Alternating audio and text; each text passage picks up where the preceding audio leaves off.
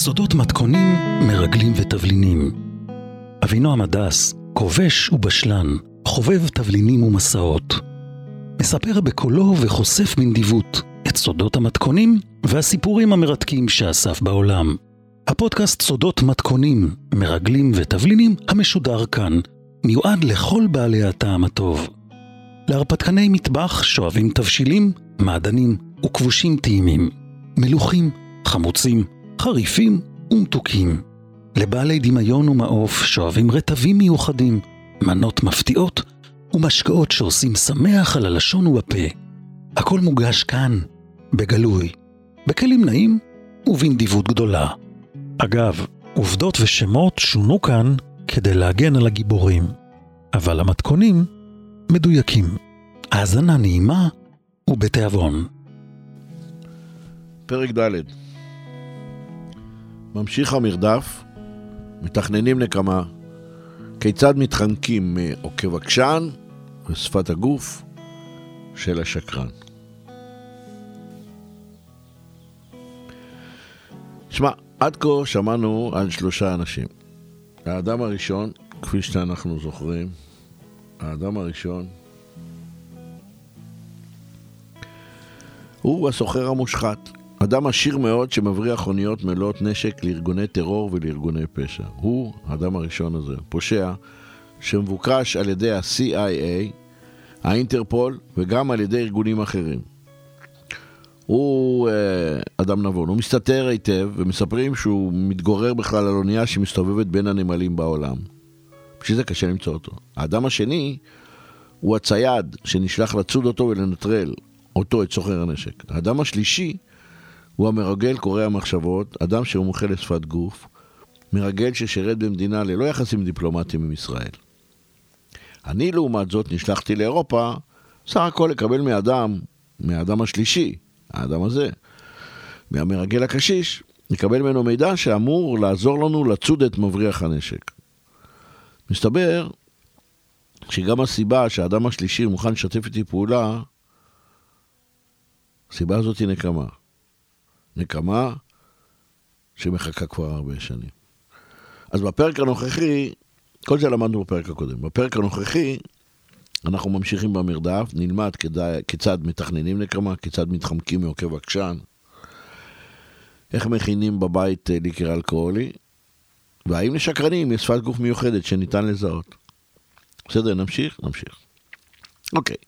כמובן, אנחנו מדברים על סיפור שקרה מזמן, לפני שנים רבות מאוד.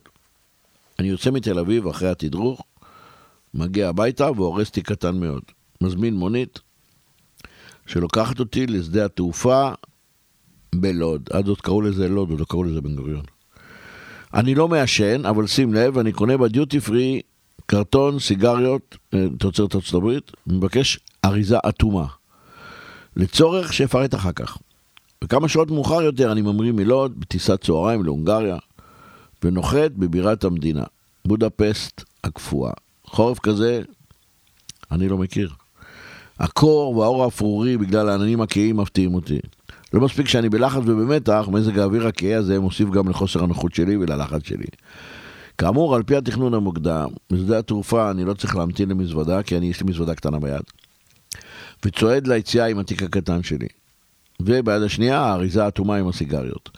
שם אני מחכה ליד היציאה כמה דקות. אני במיוחד נמנע מלקחת את המונית הראשונה שנעצרת על ידי. אני מסתובב כמה דקות עם התרמיל הקטן שלי ועם חבילת הסיגרות בעטיפה הכתומה. ורק אחרי כעשר דקות מסמן לאיזה מונית אקראית, מסכם עם הנהג סכום למשלוח חבילה קטנה. מוסר לו כתובת של מלון בקצה הדרומי של העיר בודפסט, משלם לו מראש, מוסר לו את החבילת הסיגריות שעטופה בנייר עבה, הוא לוקח את החבילה ונוסע.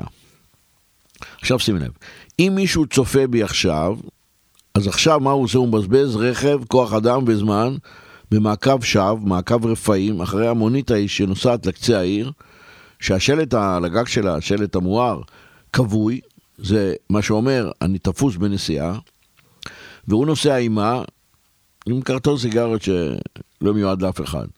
אני מתאר לעצמי את ההפתעה של האזרח האלמוני, שנהג המונית ימסור לו חבילה ובא פקט של סיגריות קאמל, הוא בכלל לא יודע ממי זה וממה זה. כל הכוונה הייתה להוריד ממני מהקו. ואז, אחרי שהמונית הראשונה נוסעת, אני עושה עוד סיבוב קטן ומתרחק בכלל מהכניסה לשדה. אני עוצר עכשיו מונית שכיוון הנסיעה שלה הוא בכלל הפוך מכיוון ההליכה שלי. אני נכנס מאחור ונותן לנהג בקול שקט את הכתובת. הכתובת שמסרתי לו היא כתובת סתמית. זה של בית, שנמצא שלושה או ארבעה רחובות מהמלון, כלומר במרחק הליכה של לפחות עשר דקות מהמלון. המלון שאליו אני צריך להגיע. האמת שהייתי מאוד לחוץ, מאוד לחוץ. אני לבד, עיר זרה, שפה זרה, קר, חשוך, ואני צריך לפגש עם אדם זר שיודע לקרוא מחשבות. מלחיץ. טוב, לפני הנסיעה למדתי כמעט uh, כל דבר שהייתי יכול uh, ללמוד על הסביבה, כלומר למדתי את המפה, את המפה בכלל בעל פה. למדתי את המפה של המלון ושל כל האזור מסביב למלון. ואחרי נסיעה של כמעט חצי שעה במונית, דרך אגב, המלון הוא בערך 16 קילומטר משדה התעופה שבו נחתתי, שקוראים לו פרנץ ליסט של בודפסט, כן? אני מבקש מנהג לעצור בערך 150-200 מטר לפני המלון.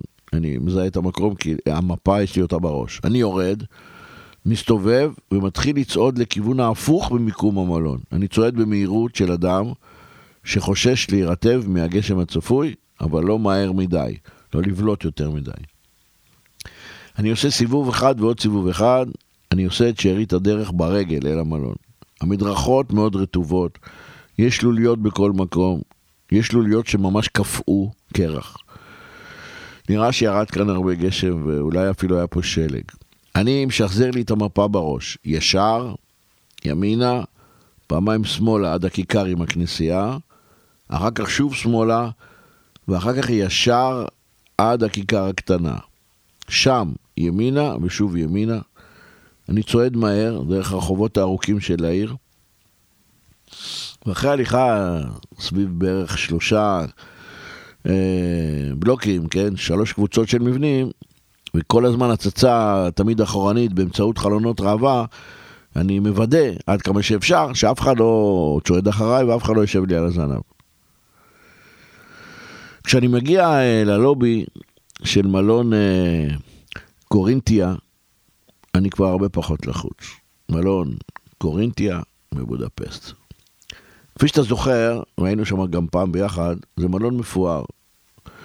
בניין מפורסם משנת 1896, אם אני זוכר נכון. הארכיטקטורה של ארמון מנחות. סגנון ארט דקו מאוד מרשים. מלון שש קומות, לא גדול מדי, אבל מפואר מאוד. בנוי בשלושה אגפים, לכל אגף יש חצר פנימית ולובי. המלון, אגב, נמצא בערך חמש דקות הליכה מתחנת רכבת התחתית, שזה דרך מילוט מצוינת במקרה חירום. למה? כי תמיד ברכבת תחתית יש מלא אנשים, אתה יכול ללכת לאיבוד שם בכיף. מרחק הליכה משדרות שנקראות אנדר שי, ובערך שני קילומטר ממזרח לגשר השלשלאות שעל נהג הנהר הדנובה. אני מכיר היטב את האזור הזה, אני מניח uh, שאתה מכיר אותו גם היטב, אה? אתה עושה עם הראש נכון. אוקיי, אתה מכיר אותו יותר טוב ממני, בסדר? אנחנו לא עושים תחרות, נמשיך. כאשר אני מגיע למלון, השעה כבר שש בערב, בחוץ חושך, הנעליים שלי רטובות לגמרי. אני מתקרב לדלת המלון, הכניסה מוארת, הבניין מואר מבחוץ, ממש ארמון, אני מביט מסביב, אני לבד ברחוב, אני שוב מביט מסביב ונכנס ללובי. הלובי מואר, מרועד ברהיטים יקרים. מה לי ולמלונות פאר? אין לי מושג. אז אני עושה פרצוף של אדם שמתמצא במלונות פאר ונכנס פנימה. בכניסה ללובי, אני נעצר לכמה שניות, מסתובב ומחפש uh, סמ"כים. סמ"כים, אתה זוכר מה זה? סימנים מחשידים. נכון. הכל נראה תקין. מלון בבודפסט בחורף קר, יש מעט אנשים יושבים, יש כמה מסתובבים, אני מביט ימינה על דלפק הקבלה, יש שם שני פקידים במקטורנים שחורים וחוצות לבנות, מביטים בי בסקרנות. אני מעניין ומחייך אליהם מרחוק כמו איזה מכר ותיק, הם די מופתעים אבל מעניינים לי בחזרה, ואחד אפילו נד בראשו ככה עושה קידה קלה. למי שמתבונן מהצד, מה הוא רואה? הוא רואה, אני נראה לו, ככה אני מעריך, כאילו אני בן בית כאן, אני מביט מסביב, בקצה הרחוק של החדר, רחוק מדלפק הקבלה, שם אני מזהה את איש הקשר שלי. זה גם איש הקשר שלו, של המרגל. הוא מזהה אותי מיד ומסמן לי אה, באמצעות סימנים שנקבעו מראש מעניין לי פעמיים, ומכסה את הפה שלו כאילו הוא רוצה להשתעל. אני רואה מרחוק את הטבעות הגדולות שלו על האצבעות. אני רואה שזה גבר בסביבות גיל 60, הוא עומד לבוש במעיל ארוך בעיר. העיתון כצפוי מגולגל אצלו ביד, יש לו, כפי שהיה מתוכנן, צעיף צהוב, ארוך על הצוואר שלו וכובע. עכשיו, כמו שהוא לבוש עם הכובע, ו... נראה כאילו הוא חזר כרגע מבחוץ, או שהוא מתכוון לצאת החוצה לקור. אגב, הפנים שלו מופנים אליי ואל האור, כדי שאני אזהה אותו. שמע, ראיתי את התמונת בספורט שלו בשחור לבן בתדרוך טרם שיצאתי. זכרתי שיש לו פנים עגולים, שפם קטן, עיניים קרועות, מצר גבוה. אמרו לי שהוא גבר מטר שמונים וחמישה, מבנה גוש, גוף מוצק, זהו. איש הקשר שלי.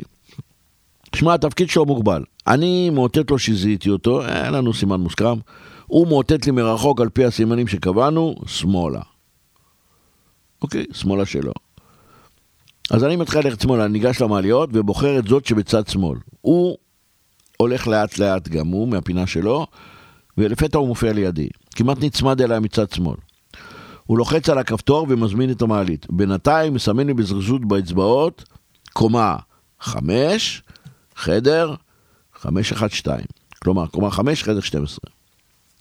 אני מציין לעצמי, אתה יודע, אני בן אדם של פרטים, שהציפורניים שלו עשויות בקפידה, שעל אצבעות יד ימין הוא עונד שתי טבעות זהב עבות מאוד, אגב, זהות, שתיהן אותו דבר, שתיהן מקושטות באבנים שחורות מבריקות. עכשיו, המעלית מגיעה נפתחת, כשאני נכנס למעלית, הוא מבצע איזה סוג של מבט פתאומי בשעון, היה לו שעון על היד, שעון מוזהב, כאילו הוא נזכר במשהו, ואז הוא מסתובב באופן חד שמאלה, מתרחק ממני, מתרחק במעלית וצועד לכיוון דלת היציאה. זה היה נראה כאילו הוא נזכר שהוא שכח משהו, הוא צריך לעשות משהו, והלך. אני במעלית לבד. עכשיו, איש הקשר סימן לי קומה חמש, אבל אני עדיין חושש ממעקב, אז מה אני עושה? אני לוחץ במעלית על כפתור קומה ארבע, עולה לקומה ארבע, ולפני שאני יוצא, אני לוחץ על, ה, על הכפתור לובי, שולח את המעלית חזרה ללובי. עכשיו, אני יוצא מהמעלית, מזדרז לחדר המדרגות, שזה בקצה הרחוק של המסדרון, יורד ברגל קומה אחת, כן? אז ירדתי בארבע, אני יורד לשלוש, מביט שאף אחד לא הולך אחריי, ואז עולה שתי קומות אה, למעלה, לחדר 512. במדרגות. זה חדר שנמצא מרוחק מהמעלית, המסדרון מואר, אבל אין אנשים, הוא רק מאדם. אני ניגש לחדר 512, אני מקיש קלות בדלת, היא דלת בהירה, מסומנת במספר מוזהב, בפרק של האצבע היד המורה שלי, והולך שני צעדים אחורה. הדלת נפתחת מיד, והוא, בכבודו ובעצמו, ככה אני מנחש, עומד על יד הדלת ומביט בי בסקרנות. שמע, הנה האיש הזה. אני מזהה אותו מיד לפי מבנה הפנים המרובע, ממש כמו בצצלום שהראו לי בתל אביב אה, יום קודם. ואני מזהה מיד את הצלקת הארוכה שמתחת לשפה התחתונה שלו, אתה זוכר את הצלקת הזאת, שמעניקה לפנים שלו מראה ספקני, כאילו לא מרוצה.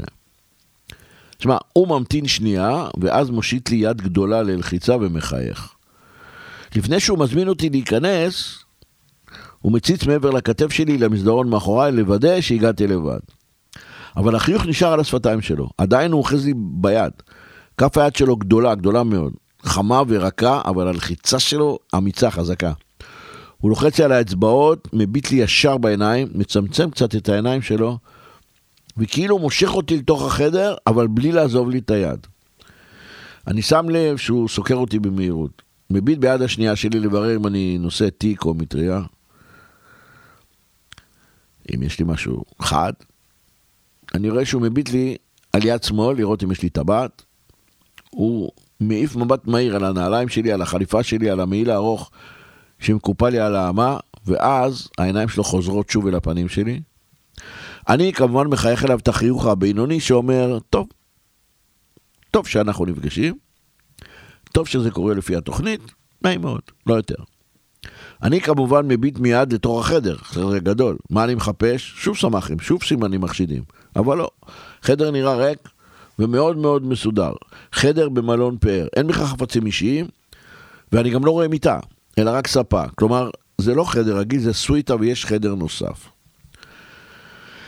אין גם אנשים חוץ ממנו. עכשיו אני מחזיר את המבט שלי אליו ולפנים שלו. במבט מקרוב, ניתן לזהות עכשיו בצורה הרבה יותר ברורה את הצלקת המוזרה הזאת שיש לו מתחת לשפה התחתונה ומעל הסנטר. אותה אה, צלקת שמקנה לפנים שלו הרשת של אה, ספק. הוא מסמן לי על החלון, חלון שנמצא בצד שני של החדר. אז שנינו הולכים לאט לאט, הוא כבר עוזב לי את היד, ואנחנו מתקרבים לחלון הגדול ומביטים יחד בנוף של בירת הונגריה. הבניינים בחוץ מוארים, מראה די מרגיע. עיר יפה מאוד, בודפסט. היא יפה גם בחושך. רואים אורות מהחלונות של הבניינים ממול. ואז הוא פונה אליה באנגלית ושואל אותי שאלה סתמית, האם מצאתי את המלון בקלות ואיך הייתה הטיסה. אני מחייך אליו אה, חיוך קטן. הוא מצביע ביד הגדולה שלו על הכורסה שנמצאת מולי, ואני מתיישב, והוא מתיישב בכורסה השנייה ממש מולי. אני מניח את התיק הקטן על השטיח בצד ימין שלי, משעין אותו על הכורסה, ומניח עליו את המעיל הארוך שלי. אני רואה שהוא שוב סוקר אותי מלמעלה למטה. אני עושה בדיוק את אותה פעולה. לעומת הנעליים הרטובות שלי, הסוליות והנעליים שלו יבשות לחלוטין. מכך שהוא לא יצא מהחדר לאחרונה. אני באתי מהמדרכות, הוא היה בחדר. הוא נועל נעלי סירה מגונדרות כאלה ללא שרוכרים בסגנון אמריקאי. יש לו גרביים כחולים, ואני רואה שעל הגרביים יש לו דוגמה של uh, עץ דקל. הוא לבוש בחליפה כחולה כהה, המקטורן שלו רכוס למרות שהוא יושב על הכיסא, חולצה לבנה ועניבת משי אדומה שמהודקת לחולצה במין סיכת זהב כזאת עם פנינה, זה בסגנון הישן. מכיס המקטורן שלו מציצה מטפחת משי כהה, גם זה בסגנון של פעם. אני יכול לראות ששרוולי החולצה שלו רכוסים בחפתים מוזבים, שיש עליהם סוג של הטבעה. אני לא תוקע בזה עיניים יותר מדי, אז מבט מרחוק אני קצת מתקשה לזהות מה, מה יש לו על, ה, על החפתים, אבל אני רואה שגם השעון שלו מוזהב, ושהוא אדם גנדרן. עכשיו, הוא יושב ולא זז, אני מרגיש שהוא נותן לי זמן להתרשם. אז אני סוקר אותו עם העיניים, רנטגן. לפתע הוא מתרומם, מביט ימינה, לעבר שולחן קטן שהיה שם על יד הווילון הכהה. אני מסתכל גם, אני רואה שעל השולחן יש קנקן מזכוכית עם נוזל שקוף, כנראה מים, ועל יד זה צלוחית עם, זה סוג של פירות מסוכרים, משהו כזה. מרחוק נראה לי כמו תפוזונים קטנים מסוכרים. על יד זה יש בקבוק עם משקה אלכוהולי חסר צבע. אה, סליבוביץ אולי, וודקה אולי, ג'ין בטוח שלא, כי זה בודפסט.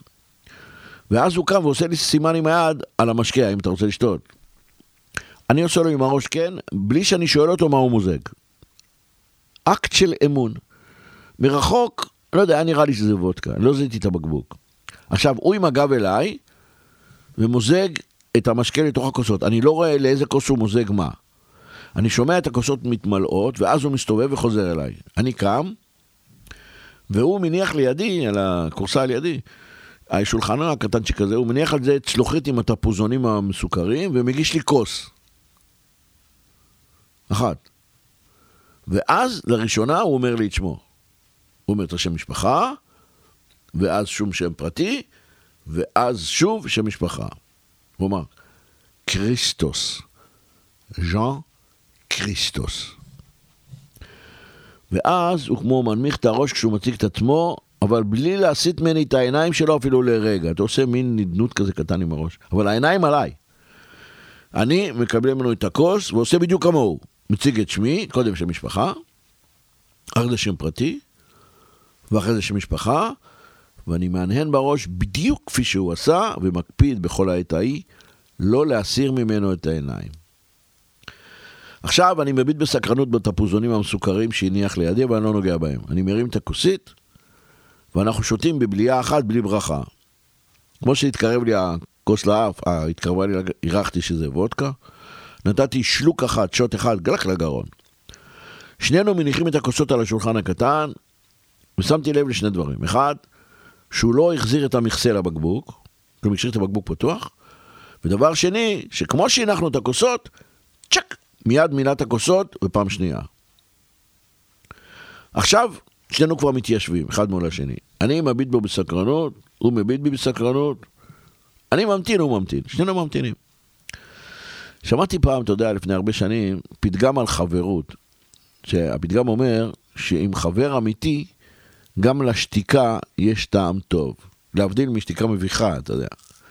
כלומר, שוב, לחבר, עם חבר אמיתי, גם לשתיקה יש טעם טוב.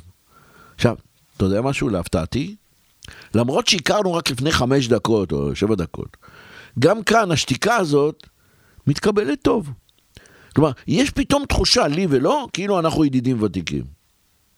אני חש שמשום מה נוצר כאן איזה סוג של קליק, איזושהי כימיה. בוא'נה, למרות הפער העצום בגילים בינו לביני, למרות ששנינו מארגונים שלא משתפים פעולה עד היום בכלל, להפך, משהו פה עובד. כאילו נבנית כאן איזה סוג של ידידות. ואז, אחרי שתיקה של בערך דקה, דקה אנחנו יושבים אחד מול השני, עם הכוסות אה, וודקה בידיים, עם השוט השני, ואז הוא לוקח אוויר, מצמצם את העיניים, יש לו איזה מין מבט כזה, שהוא מצמצם את העיניים, העיניים שלו פתאום מתרחבות, הוא עושה מין תנועה מוזרה כזאת, ומניח את כף יד ימין על הלחי השמאלית שלו, כשהמרפק על הכורסה. זאת אומרת, תדמיין, הוא הפך את היד שלו לסוג של משענת לראש. הוא מניח את הלחי שלו על החלק העליון של כף היד, לוקח אוויר, מביט בי בעיניים שלו ומתחיל לדבר. הוא מדבר במשפטים קצרים במילים קצרות, באנגלית מאוד ברורה, ובזריזות גדולה הוא מתאר את התפקידים שלו בשירות הביטחון של המדינה בה גדל, מציין גם את הדרגות. עכשיו, זה, יש להם דרגות כמו בצבא. אז קודם הוא מתאר את הדרגות שלו בשפתו, ואחר כך הוא מתרגם אותה לאנגלית, כדי שאני אוכל להעריך אותם נכונה. עכשיו, אין לו מושג כמובן אם אני מדבר את השפה שלו האחרת מאנגלית, מה שאני לא, אבל הוא מדבר אנגלית. מציין שניהל את המודור למודיעין זר, אתה זוכר, זה המדור הרביעי, ואחר כך את המדור ה... לריגול נגדי, שזה המדור השני, ואז הוא מציין שטרם פרישתו הוא ניהל את המדור למלחמה בטרור. שזה מה שעניין אותי. אגב, בכל פעם שהוא מציין דרגה או מדור, אני מעניין בראש בהערכה, גם כדי שידע שאני מזהה את התפקידים הבכירים, וגם כדי ש... להראות לו שאני מבין מה הוא אומר. עכשיו, יש לו שיטת דיבור מאוד מעניינת. הוא אומר שש או שמונה מילים, ואז עוצר לשנייה. גם כדי לנשום, ובעיקר, כאילו כדי לתת לחשיבות של התפקידים שלו את הזמן להיקלט, ולי את השהות להתרשם. שמתי לב שהעיניים שלו נעוצות בעיניים שלי בכל העת. עכשיו, אתה יודע, לפעמים אנשים, כשמביטים בך מקרוב, הם מעבירים את המבט שלהם מעין ימין שלך לעין שמאל, מעין ימין לעין שמאל. הוא לא. הוא מביט לי בעין אחת, עם שתי העיניים שלו בעין אחת, ולא מזיז את העיניים. שמתי לב עוד דבר. שמתי לב שבכל העת הזאת, שתי כפות הידיים שלו מונחות פתוחות על הברכיים שלו, עם הכפות כלפי מעלה. כלומר, היה טבעי שישים את הכפות כלפי מטה. לא, הוא שם את הכפות כלפי מעלה. עכשיו, הידיים שלו חשופות ונחות ללא תנועה. זה סימן של הרגעה, זה איתות, אתה יודע של מה? I have nothing to hide. אין לי מה להסתיר. צריך ללמוד מזה. דיברנו על שפת גוף של מחשבות. עכשיו, הדרך השיטתית שבה הוא מתאר את הקריירה שלו, במשפטים הקצרים האלה, וכשהוא מתרגם לי את הדרגות לאנגלית, זה מאפשר לי לקלוט מהר את המידע ולשמור אותו בזיכרון. כי אני מזכיר לך, אני לא כותב כלום, הכל צריך לזכור.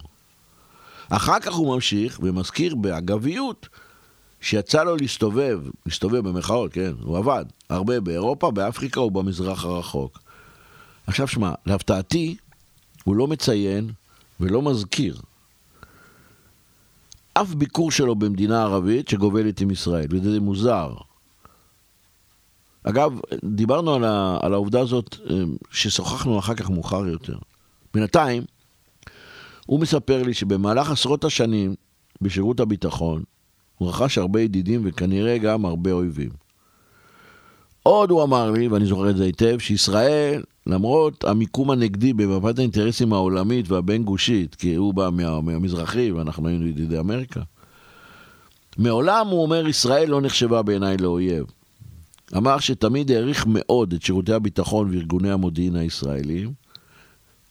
שאלתי אותו מדוע, הוא אמר לי על התעוזה, התחכום והמקוריות. תעוזה, תחכום, מקוריות. ישבתי uh, מרוצה. שמע, בינתיים מן על הפנים שלו אפילו שמץ של חיוך. גם כשהוא מציין את העובדה האחרונה הזאת, ואני מבין שהוא מתכוון לזה בשיא הרצינות, למחמאות. אז אחרי שהוא גמר להחמיא, אני מרים לכבודו את הכוסית שלי בסגנון של מחווה, ככה, ולוגם את הוודקה בסחיבה אחת. והוא עושה בדיוק כמוני. ומה הוא עושה עכשיו? ממלא את הכוסות בפעם השלישית. מאותו בקבוק, חסר המכסה. עכשיו אנחנו כבר שותים ללא סיבה. ועד מהרה הוא ממלא את הכוסות בפעם הרביעית. בוא'נה, אני מרגיש שהוודקה מתחילה להתפזר לי בגוף. מרגיש שהוודקה מציתה לי סומק בלחיים. אתה מבין את הסיטואציה שבה אני נמצא? אני בבודפסט, חורף קפוא. אני בבלום, במלון פאר, בסוויטה, שכנראה יש עוד חדר, אני רואה את הדלת, אני לא יודע אם יש שם אנשים או אין. בחדר הזה אני יושב איתו לבד, עם ז'אן קריסטוס. אני יושב מול אגדת מודיעין ממש, אני אדם צעיר, הוא אדם מבוגר ממני פי ארבעה או פי שלושה. אדם שנחשב אגדה.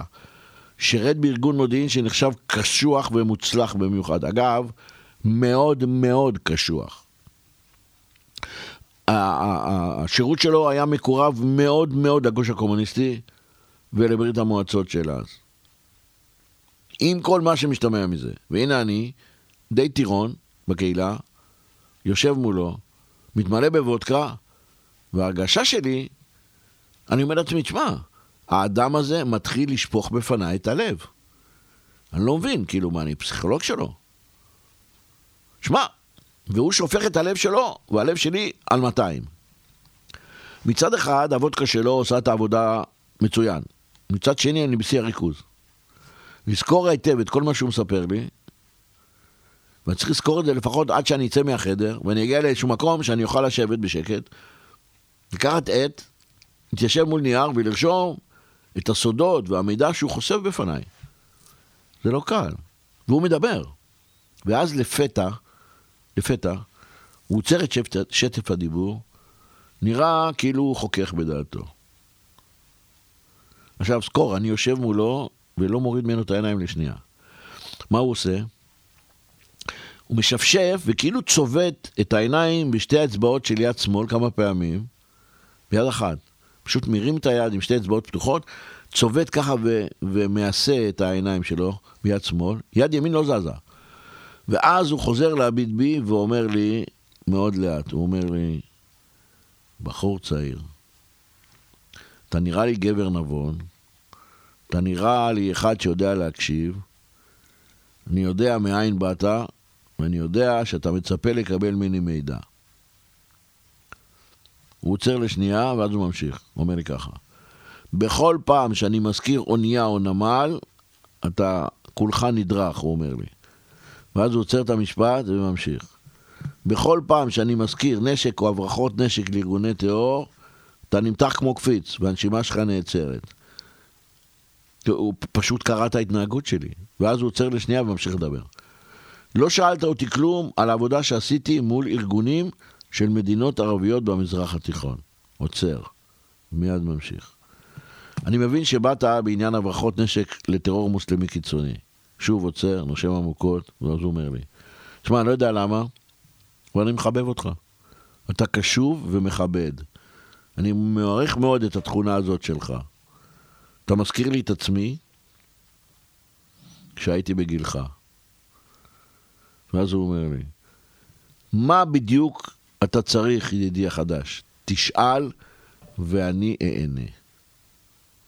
עכשיו, מאחר ומדברים אנגלית, ובאנגלית אתה ואתם זה אותו דבר, כן, נשמע אותו דבר, you, אז הוא עוצר את המשפט, והוא מדגיש, כשהוא מכוון אצבע אחת אליי, כמו דקר, הוא חוזר ושואל, מה אתה רוצה לדעת. כאילו, הוא כמעט נוגע בי עם האצבע בחזה.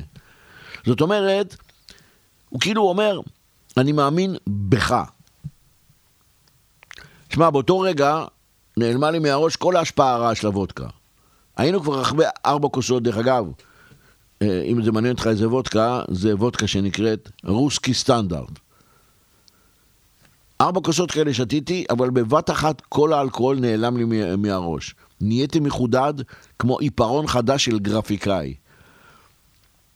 שמע, גם אני מבין קצת בתורה של שפת גוף. האצבע שלו התקרבה לי כמעט עד החזה. לכן אני לא משנה בכלל את תנוחת הגוף שלי, ונמנע מלקפוץ משמחה באותו רגע, אבל הלו, בדיוק בשביל זה טסתי כל הדרך מתל אביב לבודפסט הקפואה, רבאק.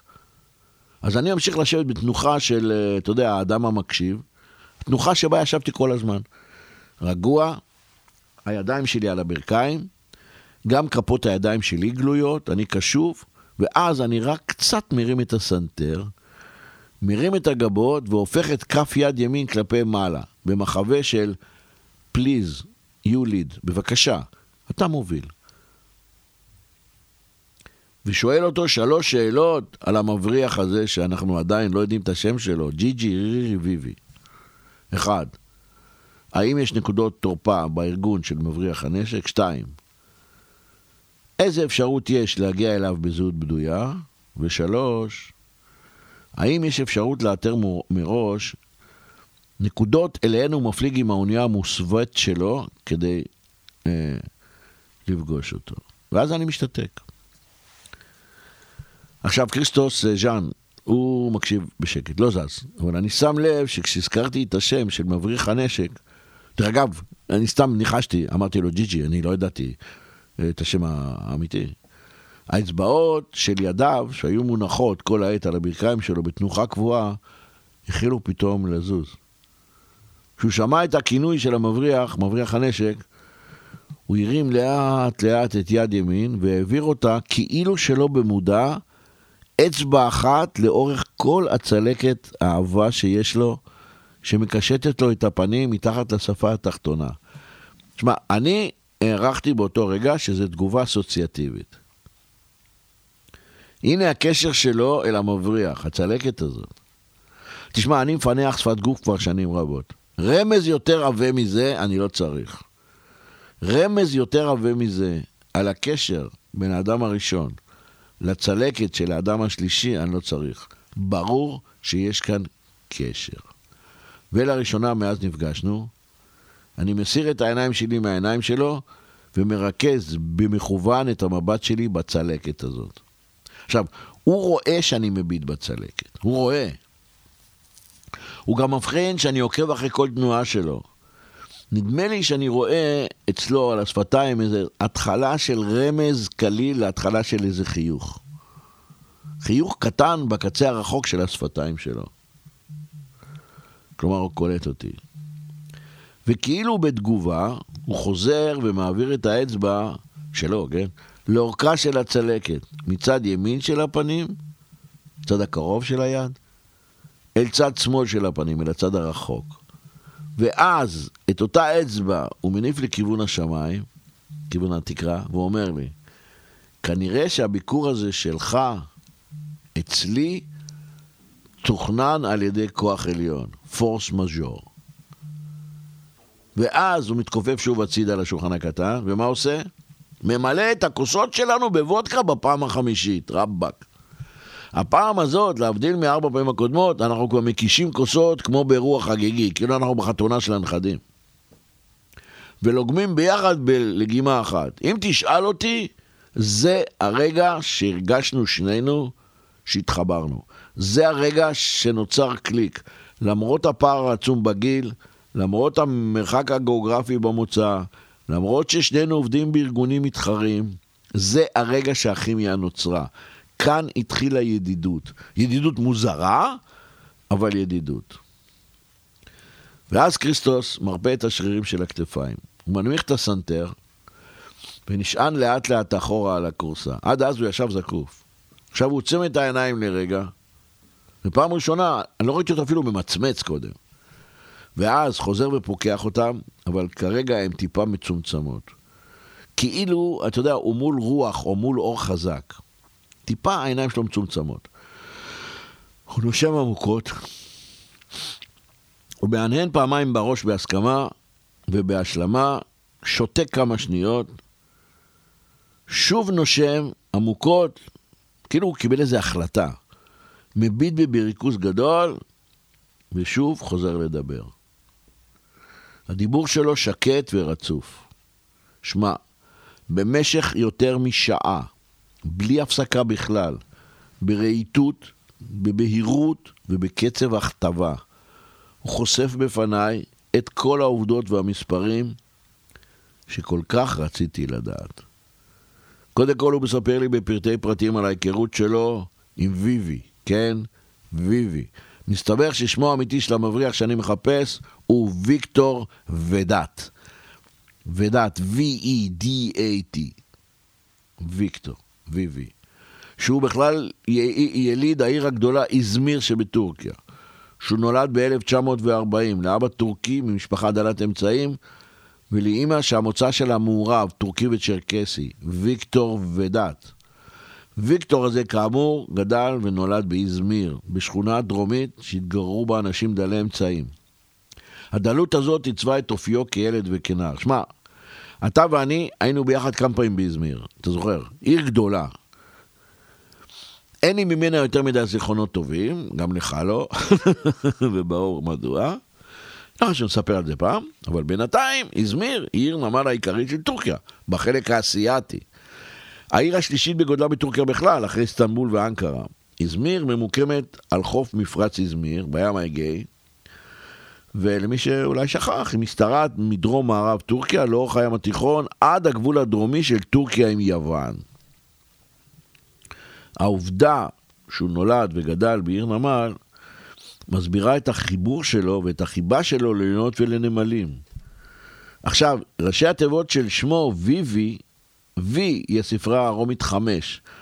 ועכשיו אתה מבין, וגם אני מבין, זה מסביר את הסימן 55 שמצויר בדרך כלל כסמל מסחרי שלו על המקולות ועל הארגזים של הנשק שהוא מבריח. אוקיי? וי, חמש חמש. כריסטוס ממשיך ומספר לי על, מעליו, ש... על מעלליו של ויקטור ודת. בהתחלה כנער, נער צעיר, פושע צעיר. הוא מתחיל בגנבות ובהברחות קטנות סביב הנמל של איזמיר ובגנבות מתיירים שמגיעים לעיר באוניות נוסעים מאירופה.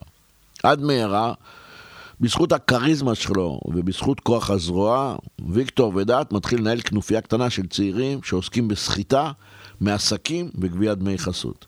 לפי כריסטוס, כשהעסקים האפלים של ויקטור ודת התפתחו, הוא גם רוצה ליהנות פומבית מסכומי הכסף שהוא מגלגל, ומתחיל להלבין כסף ורוכש, או משתלט אולי, על דוכנים ועסקים אה, בשווקים של איזמיר. בעיקר ברחוב קונק, יש שם אה, בזאר שנקרא קמרלוטי, קמרלוטי בזאר, משהו כזה, אני לא זוכר בדיוק. זה נמצא דרומית לנמל, וזה מהשווקים היותר מוצלחים אה, בעיר. קמרלטי, קמרלטי, כן, קמרלטי קראו לזה. שמע, הוא עושה חיל. אם אפשר להגדיר עבריין כעושה חיל, עבריין שגונב ושודד כעושה חיל, בכל אופן, לפי כריסטוס, ההצלחה של ויבי מתחילה לעורר עניין של עבריינים אחרים בעיר הגדולה, וגם מתחילה לעורר עניין של השלטונות בעיר סביב הנמל. יש שם משטרה. אני מקשיב, אבל אני מחכה לרגע שבו הסיפור על ויבי העבריין ישיק או יתחבר עם הסיפור של כריסטוס, איש המודיעין. ובדיוק כאן זה בא. כריסטוס עוצר לרגע, שולח יד ארוכה עם כף ענקית על השולחן הקטן, מרים את הצלוחית הלבנה עם התפוזונים המסוכרים, מרים אותה ומקרב אותה אליי, מציע לי ממתק. אני מושיט יד ובוחר לי אחד כזה, תפוזון קטנטן ושמנמן, מצופה בסוכר, קינמון ווניל. אני תוקע בו את השיניים, הוא התפצח לי בתוך הפה, נפלא. תוספת מצוינת ומאוד נדרשת לאלכוהול המריר של הוודקה, שכיסה לי לחלוטין את הלשון. שמע, מאז אותו יום אני מאוהב בתפוזונים. כשחזרתי לארץ מצאתי במשתלה ברמת השרון שתילים, קניתי שתיל ושתלתי בגינה שלי, ומאז יש לי אספקה כל חורף, אספקה של מאות תפוזונים. אגב, לזכר הימים ההם וההרפתקאות ההם, אני מכין לי כל שנה תפוזונים מסוכרים בווניל. אני מכין לי גם ריבה מתפוזונים, ובעיקר מכין לי ליקר תפוזונים אלכוהולי, שאני מיישן אותו שנתיים או שלוש, ואחר כך שותה אותו כמו קוניאק ליד עוגת גבינה או עוגת שוקולד, או סתם בסיום ארוחה טובה. אגב, כשנסיים את הסיפור, אני אתן לך את המתכון הזה לליקר, ולמעדן נוסף מתפוזונים שאני מכין, נכון? אגב, תפוזונים נקראים גם תפוז סיני, או קום קובט. אה, אתה מכיר. הלאה, נמשיך. כריסטוס מתאר לי את מעלליו של הפושע אביבי הצעיר באזמיר. ויקטור, ויקטור ודת, משתלט על יותר ויותר עסקים. הוא מוביל קבוצות של עבריינים בתבונה ובכוח הזרוע, בתכסיסים ובאלימות. וזה המתכון שלו. מדי פעם הוא נזקק לרכוש לעצמו איזה אקדח חדש, או איזה מטען נפץ קטן, כדי להפחיד איזה סוחר סורר שחייב לו כסף, או לשכנע במרכאות כפולות איזה מתחרה.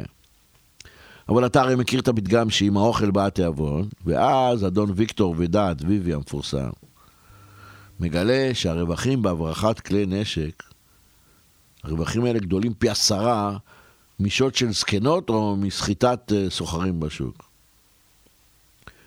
הוא מרגיע את ההתלהבות שלו מעסקי השוד ומתניע עסק חדש. ויקטור ודעת, גנבת נשק והברחות נשק. כסף יש, אומץ יש, אנשים וקשרים יש, עכשיו הוא זקוק רק למקורות כדי להשיג את הסחורה הלוהטת הזאת ובכמויות גדולות. כן, ויקטור ודעת מחליט שהוא הולך על הברחות נשק בגדול. טוב, עד כאן פרק ד'. היתר בפרק הבא. ועד אז, שלום ולהתראות, ותשמור על עצמך מכל רע, תמיד. ולמאזינים אני אומר תודה על ההאזנה. זה הזמן לשלוח אליי חוות דעת או מחמאה, לעשות לייק. כמובן לעשות מנוי וכך להתעדכן אה, בחינם בכל פעם שעולה סיפור חדש. ואם אתם רוצים לשלוח לי איזה מחמאה, תשלחו, אני אוהב לקרוא. תודה רבה ולהתראות.